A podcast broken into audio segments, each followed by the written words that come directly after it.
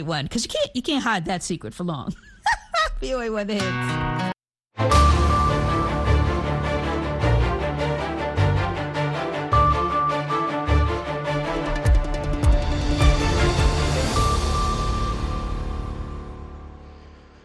Halkani waa washington laanta afka soomaaliga ee v o a oo aad ka dhagaysanaysaan mawjadaha gaagaaban efmiyada geeska africa iyo caalamkao dhan oo aad nagala socotaan v o a somaly com.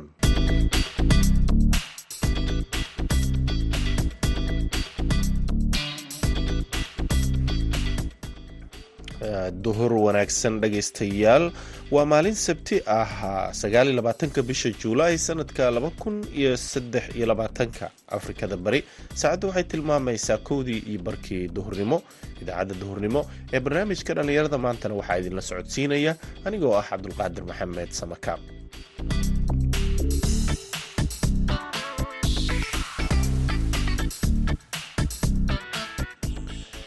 qodobada aad ku dhagaysan doontaan idaacaddeenna duhurnimo waxaa ka mid ah barnaamijkii madasha dhallinyarada oo aan ku eegayno caqabadaha dhallinyarada qaxootiga dhadhaab ka haysta dhinaca waxbarashada. Hay'adaha un-ka waxay awoodaan markii la fiiriyo waxbarasho dugsi sara ka baxsan ama heer jaamacadeed isku celis ahaan saddexda xara waxay awoodaan inay u diraan jaamacada arday tiradooda lagu qiyaaso toddobaatan konton markay kor u kacda marka taa waxay ku tusaysaa inuu jiro faaruq ama dhallinyaradii hakad uu ka galay waxbarashadoodii ciyaarihii kaalmihii heesaha ayaad sidoo kale maqli doontaan balse intaasoo dhan waxaa ka horreeya warkii dunida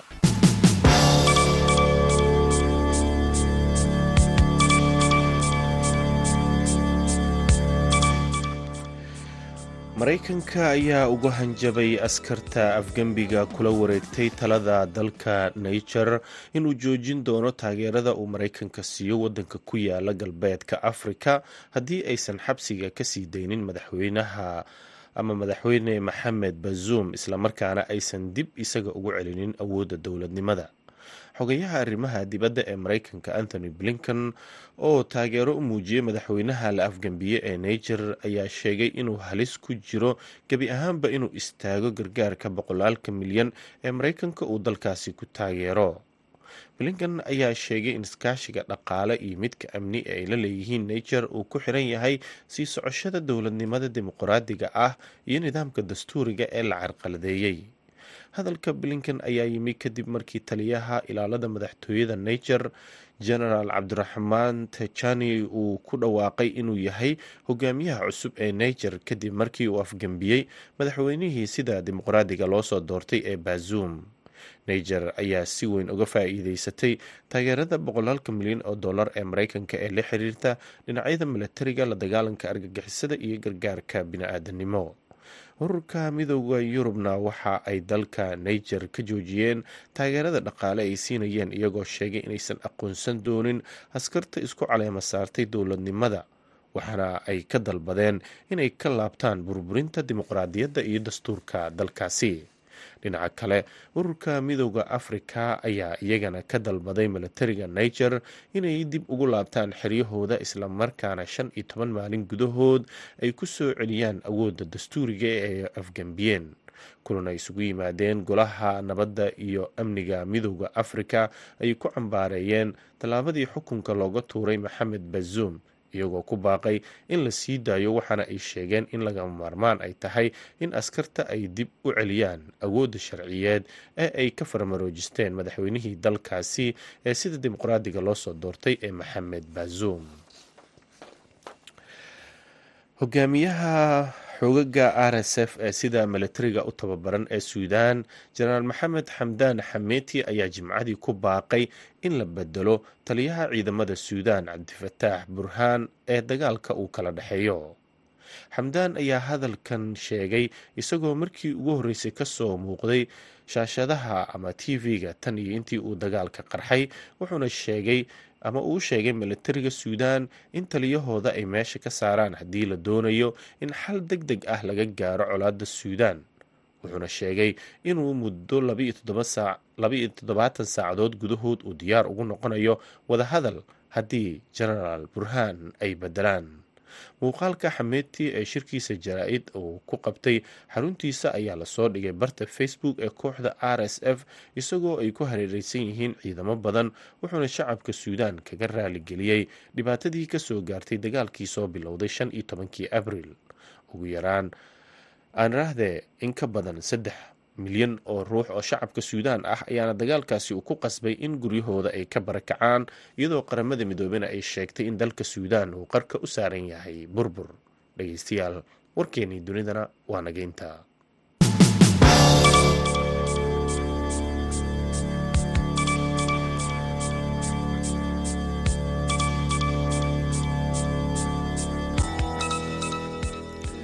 halka aad warkaasi ka dhageysanayseen waa idaacadda v o a oo idinkaga imaaneysa washington. Haddana dhegeystayaal waxaad ku soo dhowaataan barnaamijkii madasha dhallinyarada. Waxaa noo soo jeedinaya cabdisalaan axmed salas oo ku sugan xeryaha qaxootiga dhadhaab ee dalka kenya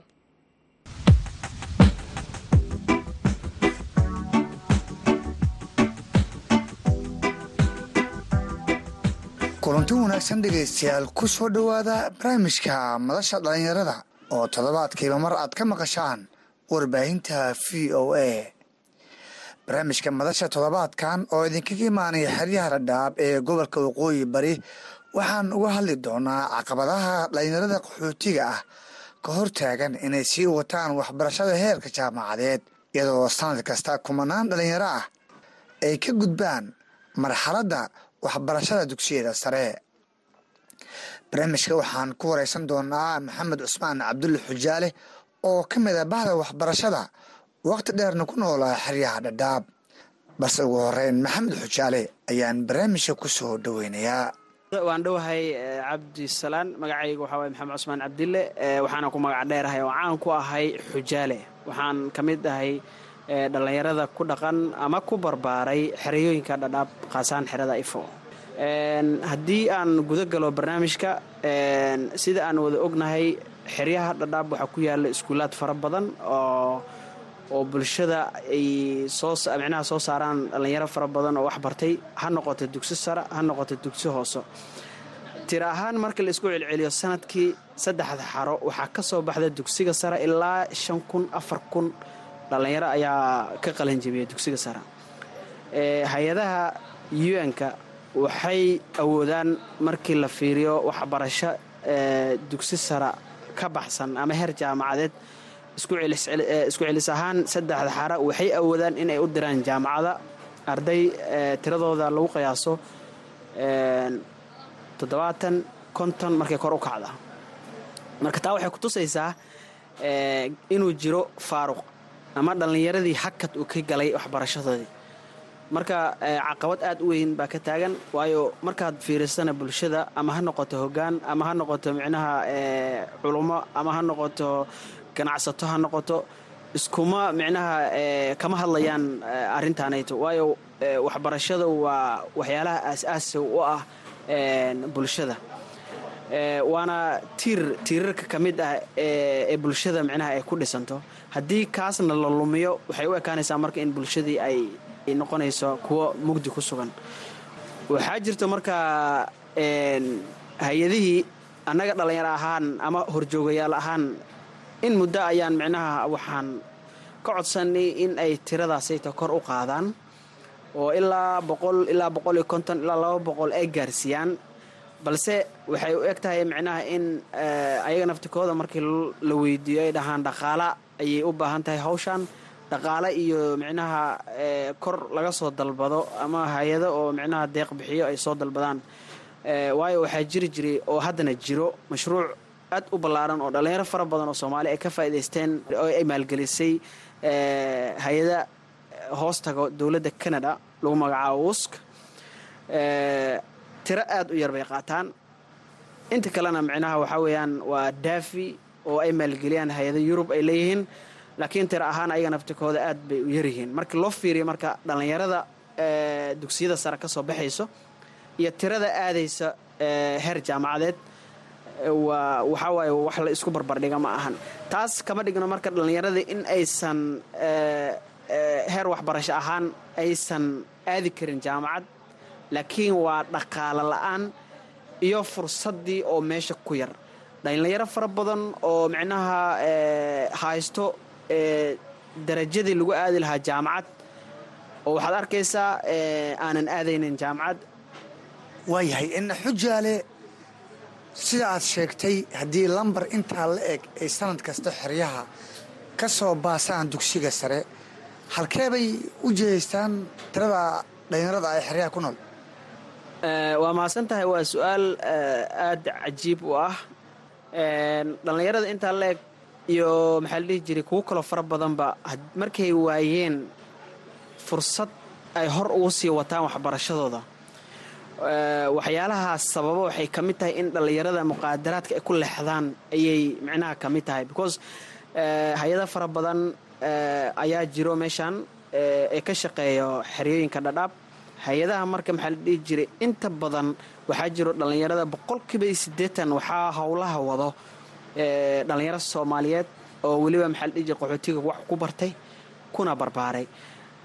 Fursadaha marka shaqageynta ama shaqooyinka ee ka soo bannaanaado aad bay u yaryihiin marka tirada waxaa arkaysaa mar dhexdaasa meel aan fiiriyey hal boos oo meel ka dhegnaa waxaa codsatay ilaa saddex boqol afar boqol oo dhallinyara taasaa marka waxay ku tusaysaa culeyska ay leedahay. Heerka maxaa la jiray shaqala-aanta ee soo wajahday dhallinyartii. Waayo haddii maanta dhallinyartan ay yihiin kuwa waddan leh oo micnaha laga fikirayo oo juhdi lagu bixinayo waxaa loo samayn lahaa shaqo abuur waxaa loo samayn lahaa in micnaha kuwa darajadooda ay aad u sarraysa ee rabo inay micnaha waxbarashadoodana hor u sii wataan ilaa heer jaamacadeed. Jaamacada ayaa loo diri lahaa. Marka meeshaasayd waxaa jira hakad fara badan caqabad ayaa jirto. Taasna waxay sababtay inay dhallinyaradii ay u wecdaan ay ka wecdaan wadadii waxbarashada ay hor ugu sii wadan lahayn ay u wecdaan dhanka micnaha muqaadaraadka. Oo aad aragto suuqyada markaad soo gasho meelaha muqaadaraadka lagu cuno sida qaadka boqolkiiba siddeetan waa dhallinyaro wixii ku jiro. Boqolkiiba siddeetan waxa ku jiro waa dhallinyaro taasaa marka waxay kutusaysaa in dhallinyaradii markii ay waayeen fursad ay hor ugu sii wataan waxbarashadooda in ay u wecdeen muqaadaraadkii. Waa midda hadda marka caqabadda nagu ah oo mar walba annagii oo dhallinyaradii micnaha iskood isu abaabulay oo dhallinyaradii inaan micnaha wacyigelin ku samayno oo annagoo micnaha yoolkeenna u yahay inaan ka hortagno dhallinyarada muqaadaraadka aad u isticmaalayso sababi kartana micnaha hadhow in ay shakhsi ahaan u burburaan qowmiyaddana ay dhib bulshadana ay dhib u keenaan dhulka ay ku noolyaan ay dhib u keensaan. Aan u samaynayno wacyigelin toos ah iyo mid micnaha aan meela idaacadaha aan u marinayna ah waayahay maxamed haddii arrinku sidaa yahay bal waxaad ii sharaxdaa saamaynta ay ku yeelan karto kuwa haatan iskuullada wax ka baranayo maadaama kuwii ka horreeyey ay noqdeen kuwa haatan muqaadaraadka isticmaalayo oo waxbarashadii ka soo haray. Waxaa waaye horta saadaasha markaad fiiriso ma xumo. Dhallinyartii waxaa weeyaan wakhti bay ku bixinayaan juhdi bay ku bixinayaan inay wax bartaan. In ilaa darajada ugu sarrayso marka hadda qayimka hadda anaga aan joogno oo xeryahan dhadhaab ah waa darajada ugu sarrayso waxaa weeyaan ilaa dugsi heer sare in laga baxo dugsi sare in laga baxo. Marka way ku dadaalayaan wakhti bay ku bixinayaan macalimiintii ardaydii iyo waaridkii taa way ka soo wada way ka wada micnaha way ka wada midaysan yihiin.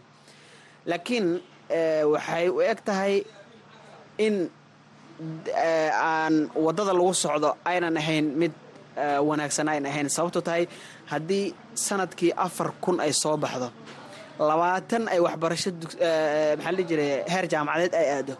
Saddex kun sagaal boqol iyo siddeetanka kale. Shaqana ay waayaan. Xaggee aadayaan wadha su'aasha taallo waa taas. Waxaa markaa jawaabteed ay tahay inay aadayaan kuwii ayaga ka horreeyey meesha ay mareen inay marayaan bay caddaanaysaa. Marka waxaa marka jirto in dhallinyaradii aanan lagu bixinin wakti wixii micnaha ay uga hortegi lahaayeen muqaadaraadka inaanan meesha aynan total oolin oo aanan wakti lagu bixinin dhaqaalana lagu bixin lana hilmaamay waa tahay. Markii la waayey taageerada hay'adaha ee ku aadan waxbarashada heerka jaamacadeed maxaa diiday in dhalinyaradan qaarka awoodo dhaqaale ahaan inay safarkoodii waxbarashada halka ka sii wadaan. Maxaa diidan ilaa nolol ahaan qaar waxaa laga helayaa awoodi karo inay waxbarashadoodii sii jaan okay waxaa horta waxaa jira meeshan isku xirnaan la'aan dhallinyaradii hoggaankii iyo bulshada indheheeda taas marka waxay ku tusaysaa in ay faaruq uu jiro. Haddii shaksiga guriga uu awood u leeyahay in uu waxbarashadiisa u sii wado hal iyo laba dhallinyarada dugsiyada sare ka baxda ee qoyska ka soo baxdo. Oo mar horena arrintaa la bilaabi lahaa ayadoo ama lala xiriirinayo micnaha xerada dadkii lacagta leh ay ardayda micnaha maxaa la jira waa ilmahooda kuwa darajada fiican keenay. Ayadoona hay'ad la sugaynin dowlad la sugaynin ay ayaga intay isu tashtaan qoys ahaan ay ka bixin lahaayeen dhallinyartaasayta jaamacada waddo fiican baa ifi lahayd. Waanay ku dayan lahaayeen dhallinyarta laakiin bulshadii ayaanan micnaha yaa faaruq u jiraa oo aanan aaminsaneyn in waxbarashada muhiim ay tahay. Oo ay muhiim u tahay bulshada iyo qoyska iyo shaqsigaba ay muhiim u tahay aynan fahansaneyn walow ay fahansanaan lahaayeen way awoodi lahaayeen inay u diraan dhallinyaradaasayta maxaa la jira dugsi sara ayagoona micnaha ku xiran inay hay'ad iyo dowlad ay wax ka sugaan. Taasa horta mid kow ah. Waxaa kaloo jira marka gaabsi dhanka ardayda naftikooda markay heer sare markay dugsiga sare ka baxaan darajo fiicanna helaan. Boqolkiiba siddeetan ayaga hamigooda wuxuu ku jiraa inay canada iyo meelo kale aadaan. Haddii ay fursaddaas waayaanna way ka niyad jabaan marka halkan anigoo uga faa'iidaysanaya micnaha fursaddan waxaan rabaa inaan u soo jeediyo bulshada. Fadlan haddii aad awoodaan in aad hal iyo laba qoys ahaan aad wax ka bixin kartaan waxbarashada si cilmaha hore ugu sii wataan ilaa heer jaamacadeed fadlan ka bixiya. Shakhsiyaadka kale oo codkayga uu gaaraya ee ayaga naftikooda xeryaha ka baxay dhallinyarada xeryaha ka baxay waxaan ka codsanaynaa in il naxariisle ay dib ugu soo fiiriyaan dhallinyarada kale ee walaalahood ah oo ku tabaalaysan xeryaha oo ayna ka saacidaan in mashruucyo waxbarasho ay dib ula soo celiyaan xeryaha ama ay hataa ay way awoodaan intay isu tagaan. Ay micnaha gunno ay u aruuriyaan oo ay ka bixiyaan dhallinyarada ku haminaya inay waxbarashadooda heer ka gaaraan oo laakiin uu xanibay dhaqaalo la'aan waa tahay n dhibaatooyinkan aad sheegtay inay ka jiraan xeryaha dhadhaab. Waqti dheerna dabcan bulshada ay ka cabanayaan inaad haydaha waxbarashada u qaabilsan qaxootiga aad kala hadashaan weli ma isku daydeen? Yo waxaan jeclahay ilaa ilaa dhowr jeer baan fadhi yeelanay oo arrintan waxbarashada qaabka wax looga qaban lahaa loo tayayn lahaa. Ama micnaha waxbarasho micnaha waqti waxaa lay safar waxbarasho ma dhammaato waxaa arkaysaa toddobaatan jir siddeetan jir ilaa darajada meesha ugu sarraysa b d qaatay oo welina wax sii baranaya markii la tago waddamada hormaray taasaa marka waxay kutusaysaa in uu safarka xirmin. Hay'adihii waan la fadhiisanay oo u n s d r ay madax ugu tahay iyo hay'adihii kaloo micnaha fududaynayay mashruuca waxbarashada xerada. Waxaa waxaa marka ay ayaga caddeeyeen in fursadaha heer jaamacadeed aaditaankooda uu yaryahay kole waxaan filayaa bulshada naftikeeda waxaa in badan ay ka cawatay annaga oo micnaha sii marinayna xafiiska un-ta waxaa jiro micnaha waxaa jira criteria ay sameeyeen. Hataa shakhsiyaadka aadaya heer waxbarasho ee micnaha jaamacadeed shuruudo. Ayaa jira ay micnaha ay dejiyeen. Shuruudaha waxaa ka mid ah shaksiga hataa haddii uu ka soo baxaa dugsi sara oo micnaha ka baxsan kuwan publicada ama bulshada ay leeyihiin oo hay'adaha un-ka iyo kuwanayta micnaha la shaqeeya ay maamulaan inaan loo ogoleyn in heer jaamacadeed hataa inuu ka qayb galo. Waa ayadana caqabad teeda leh. Maxay sababtaa ku sheegeen? Sababta waxay ku sheegeen micnaha ayaga waxaa waaya yoolka ay leeyihiin waxay rabaan inay micnaha horumariyaan iskuulaadka bulshada ay leedahay. Ayay micnaha rabaan inay horumariyaan saad hadda uu ogtahay cabdisalaanow xeryaha waxaa ku soo batay iskuulle si qaasaa loo leeyahay. Oo haddii aad fiiriso marka dhanka waxbarashadana ka taya wanaagsan. Marka taasa waxaa la rabaa in lagu xiro in ardayda ay weli ku xadidnaan inay micnaha ku jiraan iskuullada bulshada. Taasna marka caqabad waaya oo micnaha ardayda ka ka hortaagan inay waxbarashadaas naftikooda ay ka faa'idaystaan waxaa kaloo jirta shaksiga qaxootiga because fursaddan waxay u furan tahay shakhsiyaadka qaxootiga. Haddii shaksiga micnaha asagoo intii heer fiican ka haysta oo maxaa la jira dugsiga sara oo loogu talagelay booskii jaamacaddana buuxin kara imtixaan iyo micnaha wax walbana mari kara yaa haddana waxaa micnaha xiraya nidaam ah. Haddii shaksiga kaarka ku jiro shaksi ka mid ah ama hataa ha noqdo qaraabo sare ha noqde uu kabaandho mar galay ama uu leeyahay. Canugaa naftigiisa waxaa waaye ma ma la ogolaanayo hataa inuu heer jaamacadeed ama bannaanka ha noqdo ama dalka gudihiisa ha noqdo inuu aado. Waa caqabad ayada naftikeeda mid leh oo hataa arday fara badan saameyn xag maskaxiyan ugu yeelatay. Waa tahay. Ugu dambayntii xujaale fariintaada maxay tahay oo aad u jeedinaysa bulshada qaxootiga ah iyo dabcan haydaha samafalka oo aad ka mid tahay dhallinyarada ka shaqeeyo anigoo hadda fursaddan ay v o a ka faa'iidaysanaya waxaan farayaa horta hay'adaha maxaa la jiray ku howlan waxbarashada. Oo ugu horeysa u n s r ha fiiriyaano inta wax dhallinyaro oo sannadkii ka qalanjabinayso dugsiyada sara ayagoo micnaha ka duulaya in anigoo ka duulaya in ay micnaha u raadiyaan dakhli ah heer waxbarasho jaamacadeed ah ama dalka ha noqde ama dibaddiisa ha noqde in meelo fara badan la gacmogacmeeyo ama ha noqoto yurub ama ha noqoto canada ama ha noqoto maxaa la dhihi jiray wadamadan africa gudahooda naftikooda wixii deeq waxbarasho la siin kara. Waa in la soo fiiriya dhadhaab waayo dhadhaab inta badan lama daneeyo. Waxaan codsanayaa oo aan micnaha fursaddan uga faaidaysanaya u n s r ha noqoto ama wixii ku howlan waxbarasho hay'adaha noqdaana in ay dib inay u soo fiiriyaan il naxariisle ku soo fiiriyaan dhallinyaradan waxaan kaloo marka halkaan ayadana fariin ugu dirayaa bulshada ku dhaqan xeryaha dhadhaab. Bulshada waxaan ka codsanayaa waxyaalo fara badanoo waxaa jira ay mudnaan siiyaan oo dhaqaalo fara badan ama dakhli fara badan ay ku bixiyaan. Oo laakiin bulshada mustaqbal ha noqoto iyo waqti hadda la joogo ha noqoto aanan u lahayn faa'iido. Waxyaalaha keliya la rabo maanta bulshada horumarin kara waxaa weeyaan waxbarashada waxaan ka codsanayaa ama ha noqoto ganacsato ha noqoto ama hogaanka bulshada ha noqdaana ama dhallinyarada kuwooda waxa haysta ha noqdaana inay isu tagaan oo dhaqaale aruurin loo sameeyo ama hataa shakhsiyaadka waxa haysta ardayda ayaanan la sugin in micnaha hay'adaha ay ka bixiyaan ama dowladda ay wax ka bixiso oo ayaga ay direct ugu diraan. Si toos ay ugu diraan jaamacadaha ayaan ka codsanayaa. Waxaa jira kuwo fara badan oo dhaqaale ahaan aad u baaba'san laakiin hami kuleh inay heer jaamacad aadaan. Waxaan ka codsanaya marka bulshada inay isu imaadaan oo ay isu tashtaan oo ayaga naftikooda shakhsiyaadkaasayta waxaa laga yaabaa hogaankii soomaali berri hogaamin lahaa inuu ku jiro xeryahan dhadhaab. Sifa marka hogaankaasayta loo badbaadiyo yoolkiisana micnaha loo loo garaqabto aan laisu yimaado shakhsiyaadka waxbarashada raba hamigana leh inay hor u sii socdaan in la diro. Kuwa dibadda jira oo halkan ka dhoof ayagana waxaan leeyahay fadlan dib u soo fiiriya qaxootiga. Barnaamijka madasha oo toddobaadkan idinkaga imaanaya xeryaha dhadhaab halkaas ayaan ku soo afmarayaa barnaamijka waxaa idiin soo tabinaya anigoo ah cabdisalaan salas. Intaan barnaamijkan barnaamij dib ugu kulmi doono waxaan idinku dhaafayaa amaan alla.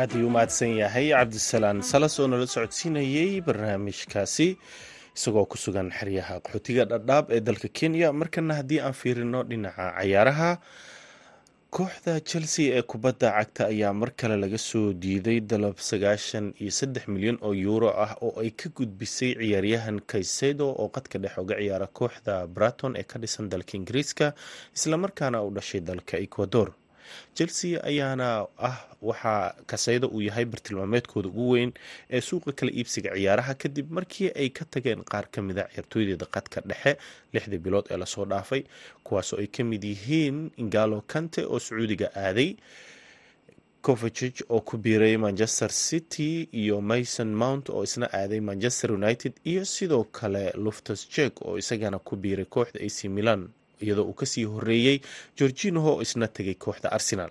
Chelsea ayaana la sheegayaa hadda inay isu diyaarinayso dalab kale. Kooxda brighton ayaana loo malaynayaa in xidigan ay doonayaan inay ku iibiyaan ilaa iyo boqol iyo toban milyan oo pound lamana oga sida chelsea ay ku fasixi doonto. Dhinaca kale tababaraha kooxda manchester united ayaa ku dadaalaya waa ericton haga inuu helo weeraryahan sanadkan iyadoo kooxdiisa ay si weyn u dooneyso ciyaaryahan rasmus hoyland oo u dhashay dalka denmark kaasoo u ciyaara kooxda atlanta. Hoyland ayaa la sheegay inuu heshiis afka ah la gaaray kooxda manchester united laakiinse atlanta ayaa dooneysa ilaa toddobaatan milyan united ayaana xidigan ku rabtay ilaa shan iyo afartan milyan oo pound. Sidoo kale tartanka ayaa waxaa soo gashay kooxda b s g oo iyadana loo malaynayo inay weyn doonto weeraryahankeeda imbape waxaana ay doonayaan in xidiga hoyland ay booskiisa ka ciyaarsiiyaan. Wararkeena ciyaaraha waa naga intaa markana kaalmihii heesaha iyo codkii xasan aadan samater